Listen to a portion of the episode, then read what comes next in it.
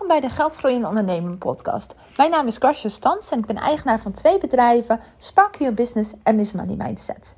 Met mijn bedrijven help ik jou om de CFO van jouw bedrijf te worden en om finance begrijpbaar te maken en simpel en gewoon leuk. En vandaag ga ik het hebben over wat te doen als je klant niet betaalt. Want wat is er vervelender dan als je kaart hebt gewerkt en dat je gewoon niet betaald krijgt. En in deze aflevering uh, doe ik eigenlijk drie aspecten daarvan belichten. Eén, hoe kan je het voorkomen? Twee, wat doen als de klant niet betaalt? En drie, wat doe je als je in een juridisch conflict komt te zitten? En het eerste onderdeel is inderdaad, hoe voorkom je het? Nou, er zijn een aantal tips die ik je kan geven om het te voorkomen. En de allereerste zijn algemene voorwaarden.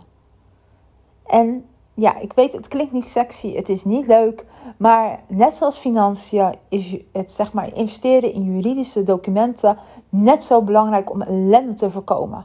Ik weet dat het aantrekkelijk is om een fotoshoot te doen, om daar 400 euro aan uit te geven. Ik weet dat het aantrekkelijk is om met je branding bezig te zijn en je website. Maar als je het juridisch en financieel niet goed voor elkaar hebt, kan het zijn dat je in heel veel ellende komt. En dus investeer ook in het juridische. Geef die, denk eraan als je bijvoorbeeld 400 euro hebt, om een keer gewoon in een jurist te investeren om die algemene voorwaarden, een privacyverklaring, een cookieverklaring, dat gewoon te hebben. En als je dat geld nu nog niet hebt, kijk dan even misschien voor de gratis documenten. Het is ja, ik ben er zelf geen fan van, want het is, je vindt heel veel gratis documenten op internet waar je dan een beetje kan tweaken. Maar het mooiste is natuurlijk als jij gewoon algemene voorwaarden hebt die op jouw bedrijf zijn. En dat als je weet eh, wat erin staat ook echt juridisch juist zijn. Het gevaar met die gratis documenten is natuurlijk dat je tekst gaat wijzigen dat niet juridisch juist is en dat je bij een advocaat, als je voor de rechter staat, nog steeds ondergaas gaat. Dus dat is niet helemaal juist. Maar investeer daarin. En in je algemene voorwaarden kan je alles over betalingstermijnen neerzetten. Doe die algemene voorwaarden ook bij een offerte. Laat de klant ook akkoord gaan met die offerte. Zodat je dat in ieder geval als juridisch bewijs hebt. Dat als een klant niet betaalt, dat je naar je algemene voorwaarden kan uh, wijzen. Je kan er bijvoorbeeld in uh, zetten dat je bijvoorbeeld je betalingstermijn 14 dagen is na oplevering. Je kan er bijvoorbeeld zeggen dat je van tevoren betaald wil krijgen. Of misschien werk je wel met projecten waar jij opleveringstermijnen hebt. Dus bijvoorbeeld dat je 5% krijgt als je gaat starten, 30% als je bijvoorbeeld uh, deel 1 oplevert en deel 2. En zet dan ook in je offerte of in je algemene voorwaarden wanneer dan voor jou termijn 1 moet betaald worden. Wat moet jij dan opleveren? Zorg ervoor dat je daar uh, overeenkomst hebt met je klant. Dan is dat in ieder geval juridisch dichtgetimmerd. Ten tweede, kijk ook even goed naar je klanten. Met wie ga je zaken doen? Uh, het is zeker als je een online dienst verkoopt, is het heel moeilijk om je klanten in te schatten. Juist daarom is het belangrijk misschien om van tevoren betaald te krijgen.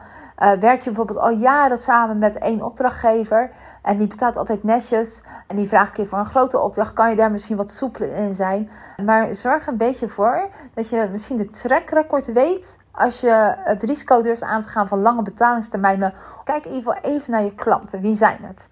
En durf dat risico te lopen bij die klant. Kijk daarom ook even naar je verdienmodellen. Dat is tip 3. Verdienmodellen, daar heb je natuurlijk van als je uurtje factuurtje kun je natuurlijk doen. En meestal word je dan achteraf natuurlijk betaald. Misschien kan je kijken of je daar een vooruitbetaling krijgt. Maar zeker natuurlijk bij het online programma. Als je die verkoopt via internet uh, of mensen via een webshop, ja, laat ze vooruit betalen. Uh, dat is in ieder geval uh, tip 1. Heb jij een abonnement, heb jij een membership, laat, doe het via automatisch incasso. Gaat niet trutten in Moneybird of een ander boekhoudprogramma waar je elke maand zelf die facturen moet aanmaken. Uh, doe dat gewoon niet. investeer even in een Molly, in een Plug and Pay of ja, Stripe, wat je ook allemaal hebt. Investeer daarin en zorg gewoon dat mensen automatisch worden geïncasseerd. Een andere, en dat klinkt misschien heel raar, Zorg ervoor dat je rekeningnummer op de factuur staat. Je wil niet weten hoe vaak ik zie dat mensen niet een rekeningnummer eh, op hun factuur hebben staan. Uh, super irritant. en uh, ik zie zelfs, uh, zeg maar ook met grote, ja, grote bedrijven af en toe, dat je echt moet zoeken. Zorg gewoon dat het er, dat het duidelijk op staat. En de meeste standaard boekhoudprogramma's waar je uit je facturen stuurt, staat dat erop. Meestal als mensen het in Word aanmaken, staat het er niet in. En ja, misschien een beetje overbodig, maar zorg ook voor een zakelijke rekening. Als ik betaal en ik vul een rekening in en het komt niet overeen met het, uh, met het bedrijfsnaam, ga ik ook twijfelen. Dus heet jij Jan Jansen en je bedrijf heet um, Geitenyoga, maak dan een zakelijk, gewoon een zakelijke bankrekening aan mijn Geitenyoga. Want ik ga niet aan Jan Jansen overmaken. Ja, dit, dit soort dingen kun je dus gebruiken om te zorgen dat, het, dat je het betalingsproces voor de klant makkelijk maakt. Uh, maar goed, hoeveel je ook doet, ja, soms betaalt de klant gewoon niet. Zoals met automatische incassas kan voorkomen dat er bijvoorbeeld niet genoeg geld op de rekening staan. Of dat ze het uh, intrekken. Of... Er zijn natuurlijk een aantal redenen waarom de klant niet betaalt. En één is inderdaad dat er geen geld is. Twee is dat ze gewoon vergeten. En drie is dat ze het er niet mee eens kunnen zijn. Nou, er zijn misschien nog wel andere redenen, maar dit zijn wel de meest basic uh, redenen waarom klanten niet betalen. Nou, wat kan je dan doen? Hou het in ieder geval in de gaten. Kijk in ieder geval als je je wekelijkse administratiemoment hebt, wie er heeft betaald en wie niet. In boekhoudprogramma's zoals Moneybird en uh, ja, volgens mij bij, ja, het lijkt me logisch dat je bij, dat bij heel veel boekhoudprogramma's doet. Bij e-boekhouden kan het ook en bij Moneymonk ook. Dat je een automatische herinnering instelt. Zorg ervoor dat als jouw betalingstermijn is afgelopen, dat de mensen een automatische herinnering krijgen. En deze, die herinnering mag heel vriendelijk zijn. En misschien denk je niet, ja, mijn herinnering vind ik al best wel heftig.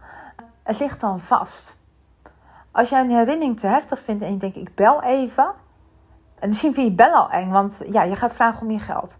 Uh, maar laten we even die belemmerende gedachten ook gelijk uit de, lucht, uit de lucht halen. Je hebt recht op je geld. Je hebt een dienst geleverd en je hebt daar recht op. Dus je mag ook achter je betaling aangaan. Denk niet dat je dan niet klantvriendelijk bent. Denk dan niet dat je, uh, dat, dat niet kan, dat dat niet mag. Dat mag jij gewoon. Jij hebt gewoon geld te goed. Je hebt je dienst geleverd. Jij hebt je aan je afspraak gehouden. En nu mag de klant dat ook doen. Dus wees daar ook gewoon, uh, ziet dat niet als een belemmering of, uh, of een stemmetje dat je dat niet mag. Dat mag gewoon. Je hebt een zakelijke overeenkomst. Ik kan maar niet genoeg benadrukken dat jij ondernemer bent en dat jij gewoon zakelijk erin mag gaan. Wij zijn denk ik, hè, uh, zeker als je een beetje in, in de Insta-wereld bent, dat iedereen hartstikke lief en vrolijk en aardig met elkaar is. Helemaal prima, maar je hebt ook een zakelijke overeenkomst. Maar goed, en dat even over de belemmering waar, waar je om je geld moet vragen. Als je het inderdaad als een belemmering ziet om een herinnering te sturen, omdat dat heel streng lijkt, dat is ook voor een reden. Leuk, je mag bellen natuurlijk, je mag, je mag bellen en je mag mailen, maar zorg ervoor dat het vaststaat om problemen te voorkomen. Dus als je belt, helemaal prima. Dus hé, hey, uh, jammer, ik zie waarom heb je niet betaald. En uh, zullen we dan afspreken dat je na zeven dagen betaalt. Leg dat vast nog in een e-mailtje. Zodat als het gaat escaleren, dat je altijd iets op schrift hebt staan. Want als je naar de rechter moet of bij een incassobureau gaat, zoals allereerste vragen, wat heb je vaststaan erin? Te zorgen ervoor dat je het altijd vast ligt. Nou, zo'n herinnering die automatisch gaat, is natuurlijk helemaal super. Hoef je niks aan te doen. Uh, maar wees gewoon vriendelijk ook in die e-mail. Weet je, mensen vergeten het gewoon. Misschien zitten mensen krap. Uh, je weet het niet. Maar zorg ervoor, of je nu belt, mailt of een automatische herinnering, dat er automatisch een datum in staat wanneer mensen dan wel moeten betalen. En als ze dat niet redden, dat ze dan jou bellen of mailen. Of in ieder geval contact met je opnemen. Maar hou deze mail gewoon vriendelijk. Als mensen na zeven dagen, dat is denk ik de gemiddelde termijn die ik geval altijd mensen na zeven dagen niet betaald zijn, kan je een nieuwe automatische herinnering insturen. Ook als je gebeld hebt of gemaild hebt, wees gewoon nog steeds een beetje vriendelijk. Uh, mag wel wel wat zakelijker, wat serieuzer, maar wees wel vriendelijk.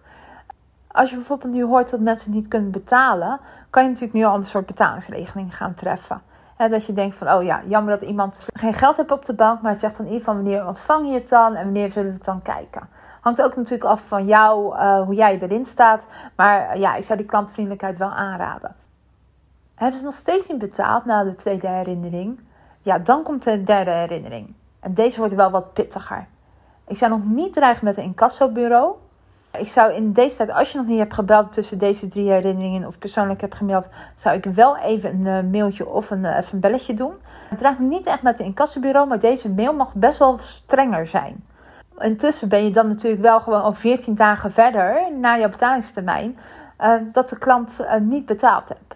Dus je mag hier best wel een beetje strenger in zijn. Probeer de klant te bereiken. En ook als hij weer dingen belooft, ja, vraag dan ook echt om deadlines. Vraag, vraag om een datum dat hij betaalt. En ook vraag ook waarom hij niet betaalt. Want als het geen geld is, wat is het dan? Is er misschien een argument? Is hij het niet mee eens? Is ook natuurlijk een reden om niet te betalen dat je het niet eens bent met de factuur.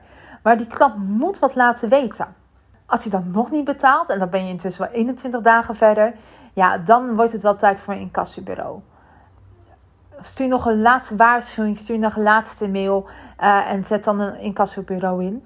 Dit hele proces kan natuurlijk wel de relatie schaden tussen jou en je klant. Dat is wel iets om even over na te denken. Het is ook aan jou hoe zwaar je het maakt. Uh, kijk, heb je helemaal voor geen feeling met die klant en is het een eenmalige klant, ja, dan mag je er best wel hard tegen ingaan. Het is ook hoe de communicatie tussen jullie is. Ben jij heel vriendelijk en die klant belooft van alles en er komt niks na, ja, dan, word je, dan mag je best wel wat strenger zijn. Is er een probleem? Wil je samen uitkomen? Ja, dan hoef je natuurlijk best wel wat minder streng te zijn. Kijk ook wie het is. Ik weet uit, uit ervaring, omdat ik er zelf gewerkt heb, dat grote bedrijven pas na 60 of zelfs 90 dagen pas betalen. Dan nog mag je daar best wel wat van vinden. Ik weet op een gegeven moment werd bij mij op mijn werk ook gewoon voor ZZP'ers een andere betalingstermijn afgesloten dan 90 dagen. Omdat het, ja, je bent, je bent een ZZP'er, je bent ondernemer, weet je. Je, hebt niet, je bent geen groot bedrijf. Dus kijk of je daar ook in kan onderhandelen met grote bedrijven. Uh, maar wat ik zei, wees wel bewust dat je relatie met je klant best wel geschaad wordt als je een kassenbureau uh, gaat inhuren. Als jij een geschil met je klant hebt, uh, dan is er wel een ander probleem. Als de klant zegt na de eerste herinnering of de tweede herinnering van joh, ik ben niet eens met de factuur, moet je natuurlijk wel stoppen met alle herinneringen. Dat natuurlijk ook als de klant niet kan betalen en je hebt een betalingsafspraak gemaakt, moet je natuurlijk ook stoppen met heel die stroommailtjes. Maar als een klant het niet mee eens is, heb je wel een ander probleem. Ga ook met die klant in gesprek. Kijk waar het aan ligt. En kijk of die klant ook in zijn recht staat. Misschien is de klant niet tevreden met jouw werk. Misschien eh, is de klant, uh, had hij andere verwachtingen. Misschien is het, heeft hij het niet goed begrepen. Maar zodra jij voelt dat jij in je recht staat, mag jij dit hogerop gaan zetten. Je mag naar een jurist gaan. Je mag uh, hulp gaan zoeken om dit voor jou te regelen. Want jij staat gewoon in je recht. De vraag is natuurlijk ook, en die moet je bij alles stellen, hoeveel moeite, tijd en energie wil je erin steken? Op een gegeven moment, kijk, het gaat aan van wat voor bedrag het is. Kijk, heb je het over een bedrag van 10.000 euro, is het anders dan 20 euro. 20 euro zou ik geen energie in steken. 10.000 à 20.000 euro. Nou, daar natuurlijk in wel. Dus kijk ook even hoeveel tijd het je kost, hoeveel energie je kost en hoeveel geld het je kost. Er zijn heel veel incassobureaus uh, die met no cure no pay uh, betalen. Dus als er niks uitkomt, hoef je ook niks te betalen. Maar kijk daar gewoon uh, goed naar en weeg dat af voor jezelf. Qua samenvatting, één, probeer te voorkomen. Twee, leg alles schriftelijk vast wat je qua communicatie doet. Probeer eruit te komen met de klant. Maar vier, wees niet bang om het te escaleren en inderdaad gewoon je hart te maken. Um, ja, dat was deze podcast over wat te doen als een klant betaalt. Uh, heb je vragen? Wil je ermee geholpen worden? Kijk even op mijn site www.sparkyourbusiness.com wat ik voor jou kan betekenen. En uh, dankjewel voor het luisteren. Fijne dag!